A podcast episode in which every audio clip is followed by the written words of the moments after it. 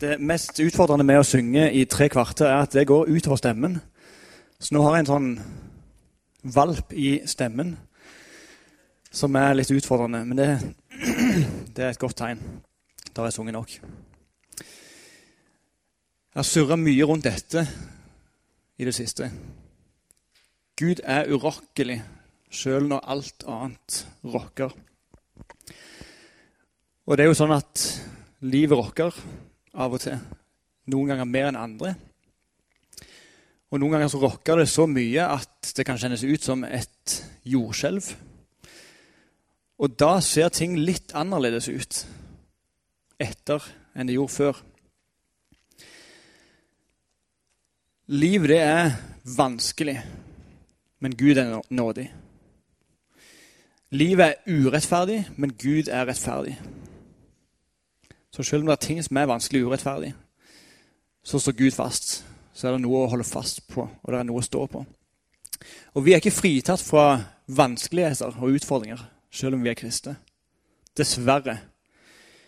Men tvert imot så virker det som om Gud lover at det kommer til å komme vanskeligheter. Det er en del av livet. Men vi har en enorm fordel, for vi har en som kan bære oss gjennom det. Og alle oss har opplevd at livet rokkes i større eller mindre grad. Og noen har opplevd jordskjelv i livet. Der det kjennes ut som om bonden detter litt vekk fra oss. Der det er sånn at vi mister tak på noe å holde fast på. Det er ikke støtt, kjennes ut som. Og det er utfordrende. Og Bibelen snakker litt om om at livet skal rokkes. I Hebreerne kapittel 12 så står det noe om det. Det som kan rokkes fordi at det hører til det skapte, skal skiftes ut. For at det som ikke kan rokkes, skal bestå. Derfor, siden vi har et urokkelig rike, så la oss være takknemlige og med takk gjør vår tjeneste i Guds frykt og ærefrykt slik Gud vil. Så det er noe som skal rokkes. Det hører til det skapte, står det. Det er det meninga at Gud skal skifte ut for at det som ikke kan rokkes, skal bestå. Og siden vi har et urokkelig rike, et rike som ikke blir prega av vanskeligheter og utfordringer, så la oss være takknemlige og med takk gjøre vår tjeneste i Guds frykt og ærefrykt, sånn som Gud vil. Det er fantastisk. Jeg har opplevd ett jordskjelv sånn på skikkelig. Og det var i Mexico. Da måtte alle søke til de sterkeste plassene i huset. Eh, der det var bygd litt mer sterkt, der det var litt mer trygt. Og de som var i de svakeste områdene av huset, kjente på mer frykt, for det var plutselig ikke så trygt. Det største jordskjelvet jeg har opplevd, det var for en del år siden når min far døde. Og jordskjelv kommer jo uforberedt. Det gjorde det òg når pappa døde. Og livet ble snudd på hodet. Og plutselig så var det ikke Det var akkurat som det ikke var noe å holde fast på. Og det som var viktig før, ble ikke lenger så viktig. Og det gikk opp for meg hva som var det viktigste. Det var noen ting som ble veldig viktige for meg. Og det var, en, eh, det var et sjokk, og det opplevdes virkelig som et jordskjelv. Og ting ble annerledes på andre sida av det jordskjelvet i mitt liv. Og En av konsekvensene var at Gud gjorde meg til en superevangelist over natta. Og veldig spesielt. For det gikk opp for meg at det er egentlig ikke så mye å frykte. Jeg trenger ikke være redd for hva alle folk tenker. Det viktigste i livet, det er Jesus. Det er troa. Det er relasjoner, venner, familie. Det er de tingene som virkelig betyr noe. Og Jeg var mer frimodig på å snakke om troa mi enn noen gang. Og flere av vennene mine begynte å følge Jesus med større frimodighet pga. det.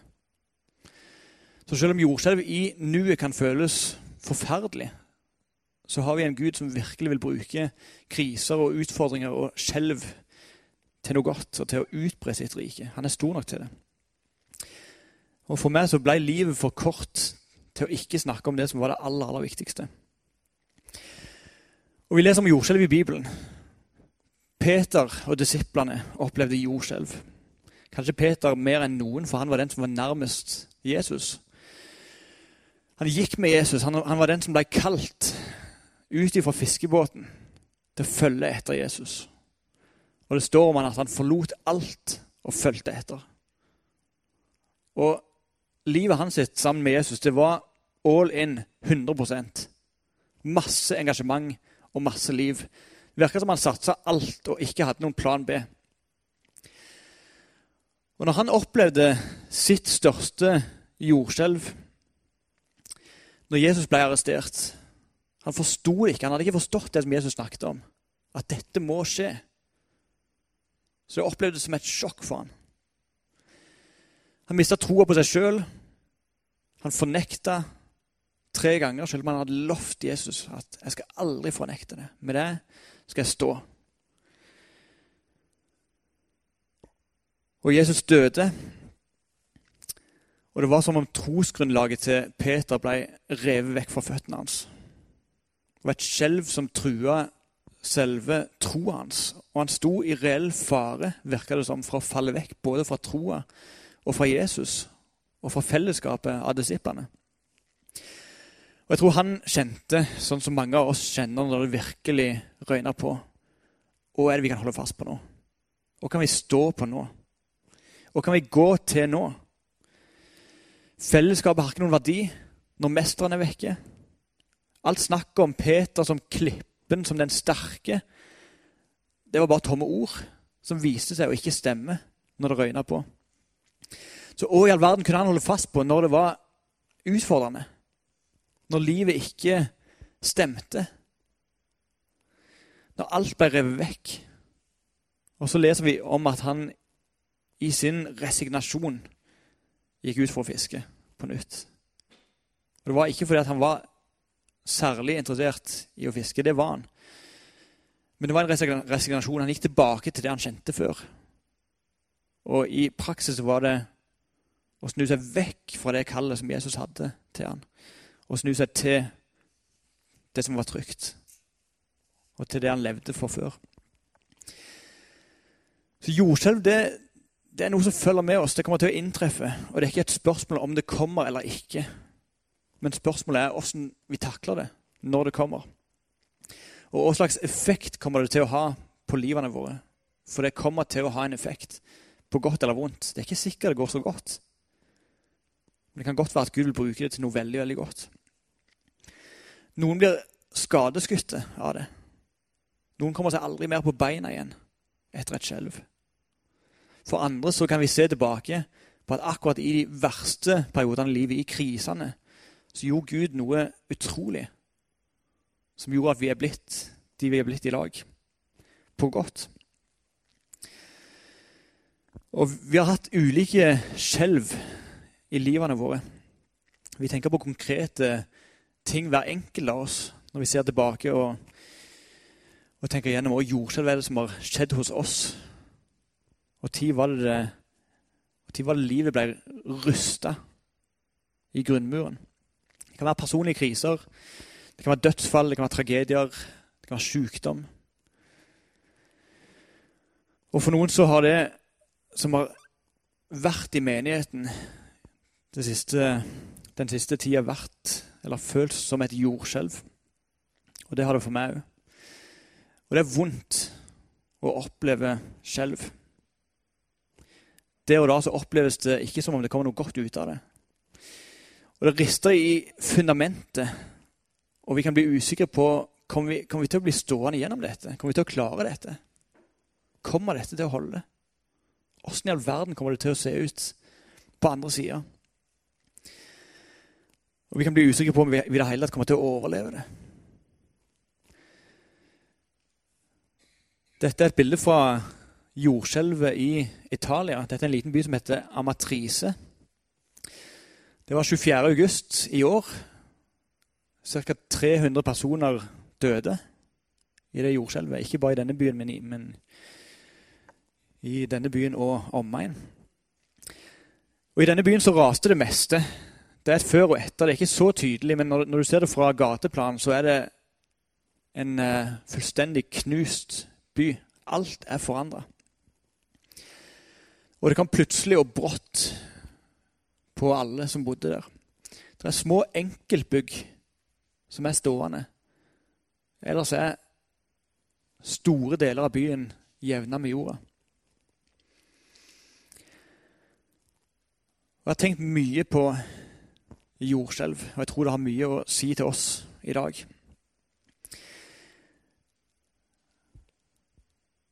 Jeg tror når det kommer plutselig og uventa, så må du takle ting der du er. Du er ikke klar for det. Du vet ikke hvordan du skal mestre det.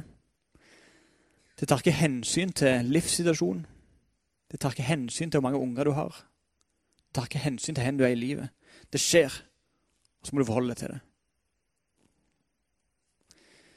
Sånn er naturen til jordskjelv. Og det som ikke er bygd for jordskjelv, det står i stor fare for å rase. Iallfall hvis skjelvet er stort nok.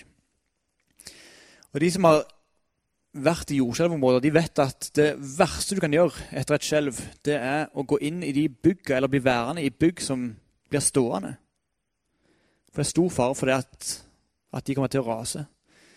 For skjelvet har gjort noe med strukturene. At til og med de byggene som blir stående, kan være feller som du kan miste livet ditt i.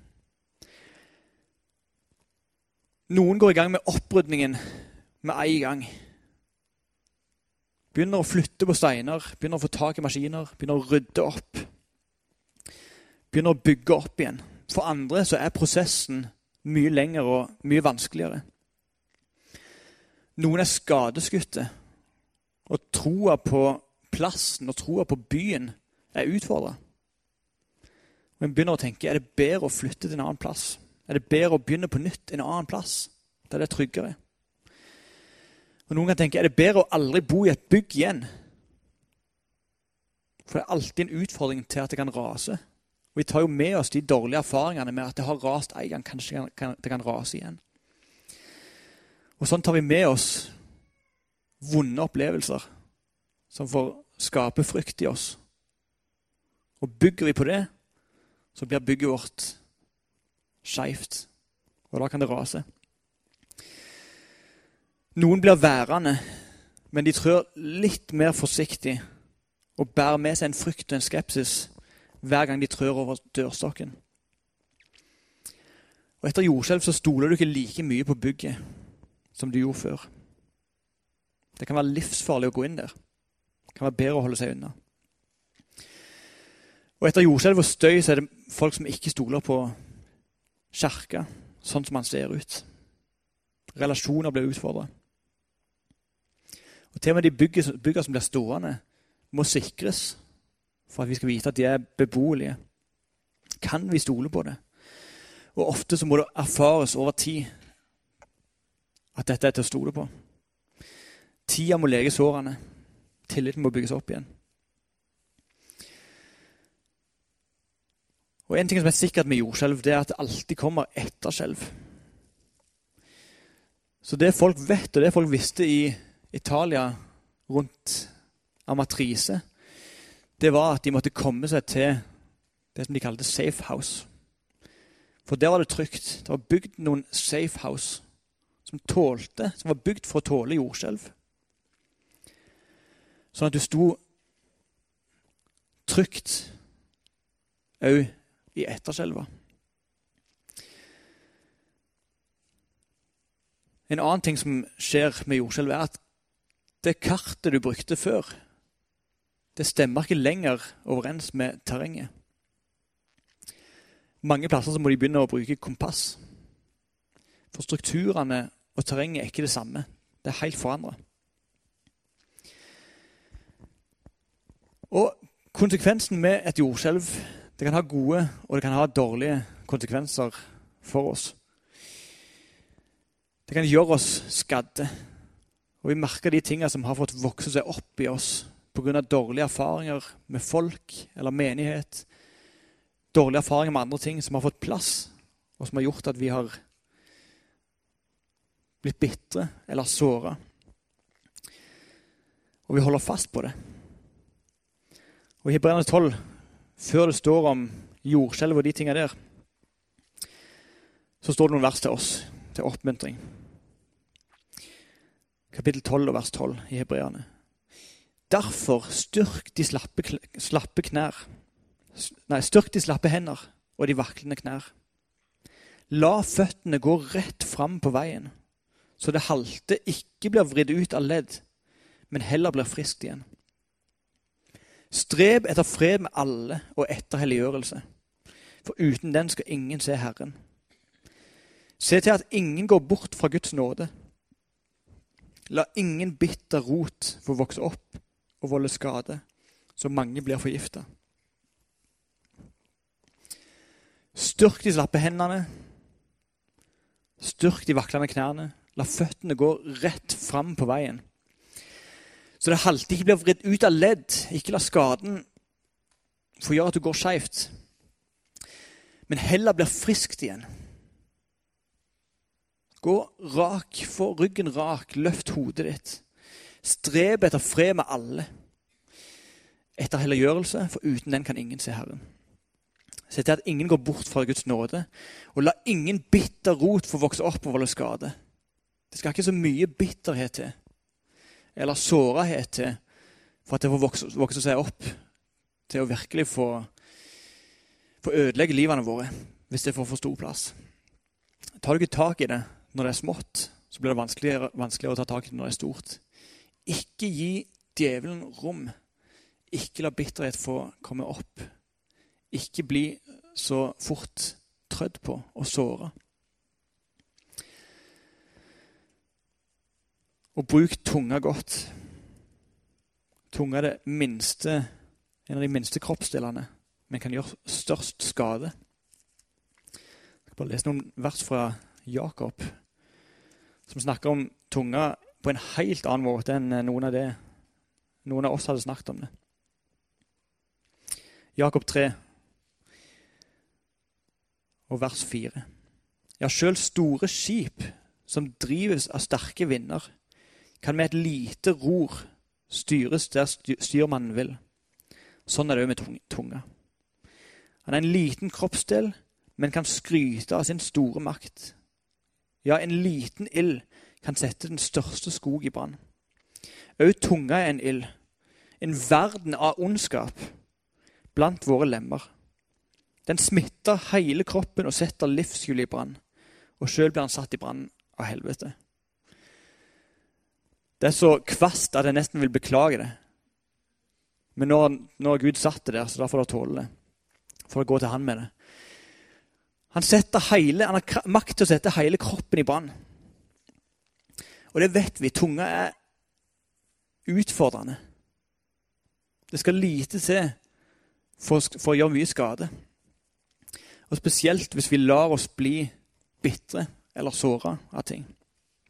Ikke gi djevelen rom. Ikke la jordskjelv Ikke la djevelen få bruke jordskjelvet til å ødelegge det.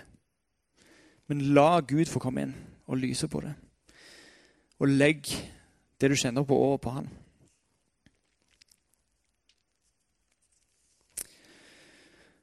Og på andre sida så får jordskjelv fram det beste i folk.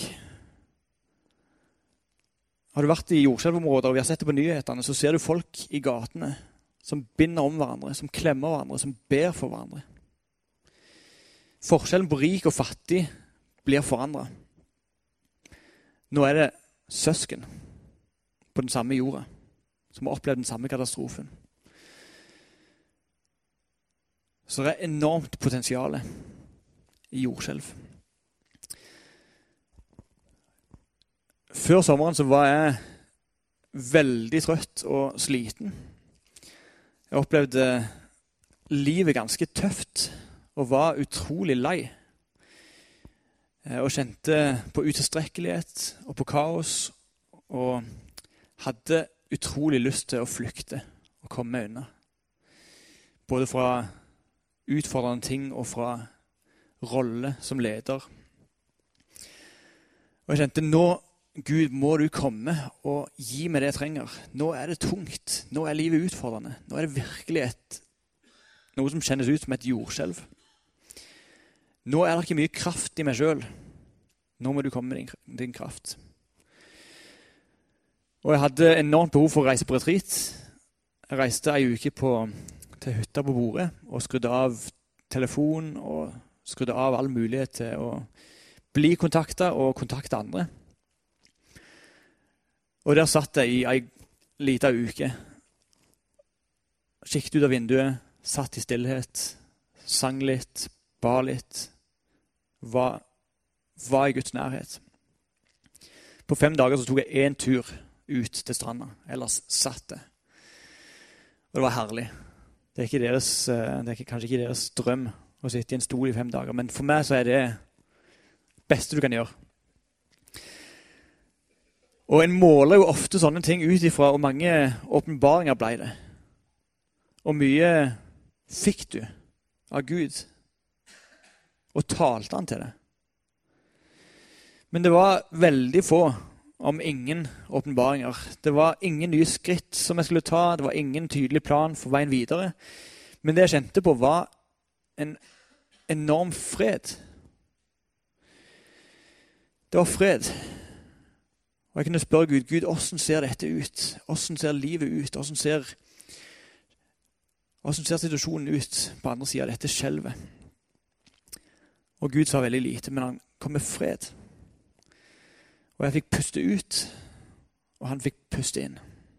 Jeg fikk puste ut motløshet og vanskeligheter. Han fikk puste ut, puste inn sitt liv og sin fred i meg. Og det var veldig godt. Og det opplevde disiplene òg. Et av de sitt største jordskjelv. Det første Jesus møtte de med etter han sto opp fra de døde, det var fred. Og det står det om i Johannes 20. De hadde blitt utfordra, de hadde sprunget hver til sitt. De tvilte. Noen hadde svikta han og fornekta han. Og Jesus kommer ikke med pekefingeren, som, kanskje, som kanskje vi hadde gjort. Han kommer, kommer ikke med rettledning. Han kommer med fred. Johannes 20 og vers 19 står det om det. Det var om kvelden samme dag, den første dagen i uken. Av frykt for jødene hadde disiplene stengt dørene der de var samla. Så de var prega av frykt. Skjelvet hadde fått virkelig sette seg i livet de sitt. Og nå hadde de stengt dørene, for de var redde at det som skjedde med Jesus, det kunne skje med dem. Og de visste ikke lenger hva de skulle tro. Da kom Jesus. Han sto midt iblant dem og sa, 'Fred være med dere.' Og da han hadde sagt det, viste han den sine hender og føtter og sin side. Disiplene ble glade da de så Herren. Og Når Jesus mener at noe er viktig, så sier han ofte to ganger. Igjen sa Jesus til dem, 'Fred være med dere'. Som far har sendt meg, så sender jeg dere. Så pusta han på dem og sa, 'Ta imot Den hellige ånd'. De fikk puste ut og han fikk puste inn. Kom til meg, alle dere som strever og har tungt å bære. Jeg vil gi dere hvile. Og det er jo sånn Vi trenger å ta av oss det åket vi har på oss. Vi trenger å ta av oss vanskeligheter for at vi skal kunne ta på oss noe annet. Legg alt dere har på hjertet, framfor Gud i bønn og påkallelse med takk. Og Guds fred, som overgår all forstand, skal bevare hjertene og tankene deres i Kristus Jesus. Legg det på Han. Ta av dere åket. Og først da kan Jesus komme med fred og si, 'Ta mitt åk på dere, og lær av meg.' For jeg er mild og ydmyk av hjerte. Og dere skal finne hvile for sjelen deres. Så når det føles, føles som om ingenting holder man føler at fundamentet er litt vekke fra under beina, så kommer Jesus og sier at det er noe som holder. Det er noe som er sant. Og når Peter i sin resignasjon går tilbake til fiske og mister hele troa på sitt eget kall, så kommer Jesus og bekrefter han og sier Peter, det er noe som er sant. Fortsatt etter dette skjelvet. Det er noe som er sant. Du elsker meg, Peter. Og jeg elsker det. Ta vare på de sauene som er gitt deg. Og på nytt så gir han Peter oppdraget. Og det blir en byggestein i Peters liv. Når det er helt skrapt, det er ikke noe annet fundament enn Jesus, så får han lov til å bygge på at det er noe som er sant. Jesus har kalt meg. Jeg elsker Jesus. Jeg har fått noen sauer å passe på. Det er sant. Det er noe å stå på, og det er noe å bygge på. Og Gud fikk bli et safe house for Peter. På samme måten som Gud skal få bli det for oss. Trygge byggverk som vi kan stå på og hvile i. Og det at Gud ble et safehouse for Peter, gjorde at han kunne bli stående resten av livet sitt. Og så vidt vi vet, så fornekta han aldri Jesus igjen. Han blei stående. Han tålte alle etterskjelva. Han tålte enorm motgang og forfølgelse. For han fikk lov til å bli bygd opp på nytt. Gud fikk puste inn. Da var de trygge på Jesus når motgangen kom. Så selv om det er mange utfordringer med, med skjelv, så er det enorme muligheter. Det er potensial til noe nytt. Gud vil bygge noe nytt. Gud er så stor at han kan bruke alle ting til det gode for de som elsker han. Og det er fantastisk. Stormer og utfordringer er ikke noe problem for han. Han er en klippe. Han kan vi stå på. Han blir ikke rokka. Han blir ikke skitna til. Han blir ikke stressa. Vi kan legge hele vekta vår på han, og han holder. Og det er godt. Han rokkes ikke, selv om alt annet rokkes. Og alle vonde ting kommer ikke fra Gud, men Gud er så stor at han kan bruke dem til noe godt. Og til og med det som oppleves som jordskjelv, til og med når det oppleves som alt blir revet vekk, så er det potensial til at Gud kan bygge opp fra nytt. Og kanskje mer potensial til å bygge nytt enn før skjelvet. Han blir ikke knekt. Det som kan rokkes fordi at det hører til det skapte, skal skiftes ut. For at det som ikke kan rokkes, skal bestå. Derfor, siden vi får et urokkelig rike, så la oss være takknemlige og med takk gjøre vår tjeneste i Guds frykt og ærefrykt, sånn som Gud vil. Så Et spørsmål som har tenkt mye på i denne tida Hva er det som skal vekk, hva er det som skal stå? Åssen er det Gud vil bygge opp på nytt? Åssen vil Gud bruke dette til noe godt? Og Vi vet at strukturer etter et jordskjelv må være annerledes enn det det var før. De må bygges for å tåle skjelv. De må være bevegelige. Vi kan ikke lenger bruke det samme kartet. Vi må bruke kompass. Vi må lytte til ånda på en ny måte. Vi kan ikke bare hvile på alle strukturene som har vært. Og én ting som vi kan hvile på, det er gode relasjoner. Og det tror jeg er bygg som tåler bevegelse. Det tåler skjelv. Og Det er viktig å investere det i denne tida. Sånn som Kari sa, vær nær hverandre, vis storsinn. Vær ydmyke, se hverandre, elsk hverandre. Nå er det ei tid for å slikke sår. Nå er det ei tid for å binde om hverandre. Nå er det ei tid for å løfte hverandre opp og bære hverandres byrder. Det kan vi bygge på.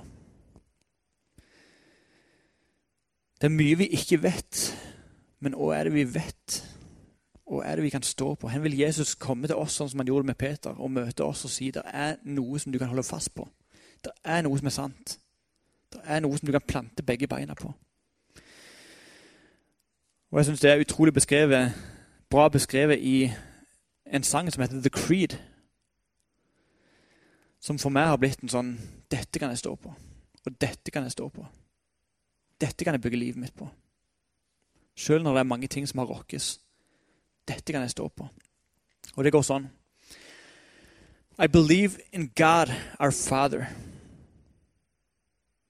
Det går det an å stå på. I believe in Christ, the Son. I believe in the Holy Spirit. Our God is three in one. Det er en god begynnelse. I believe in the resurrection, that we will rise again.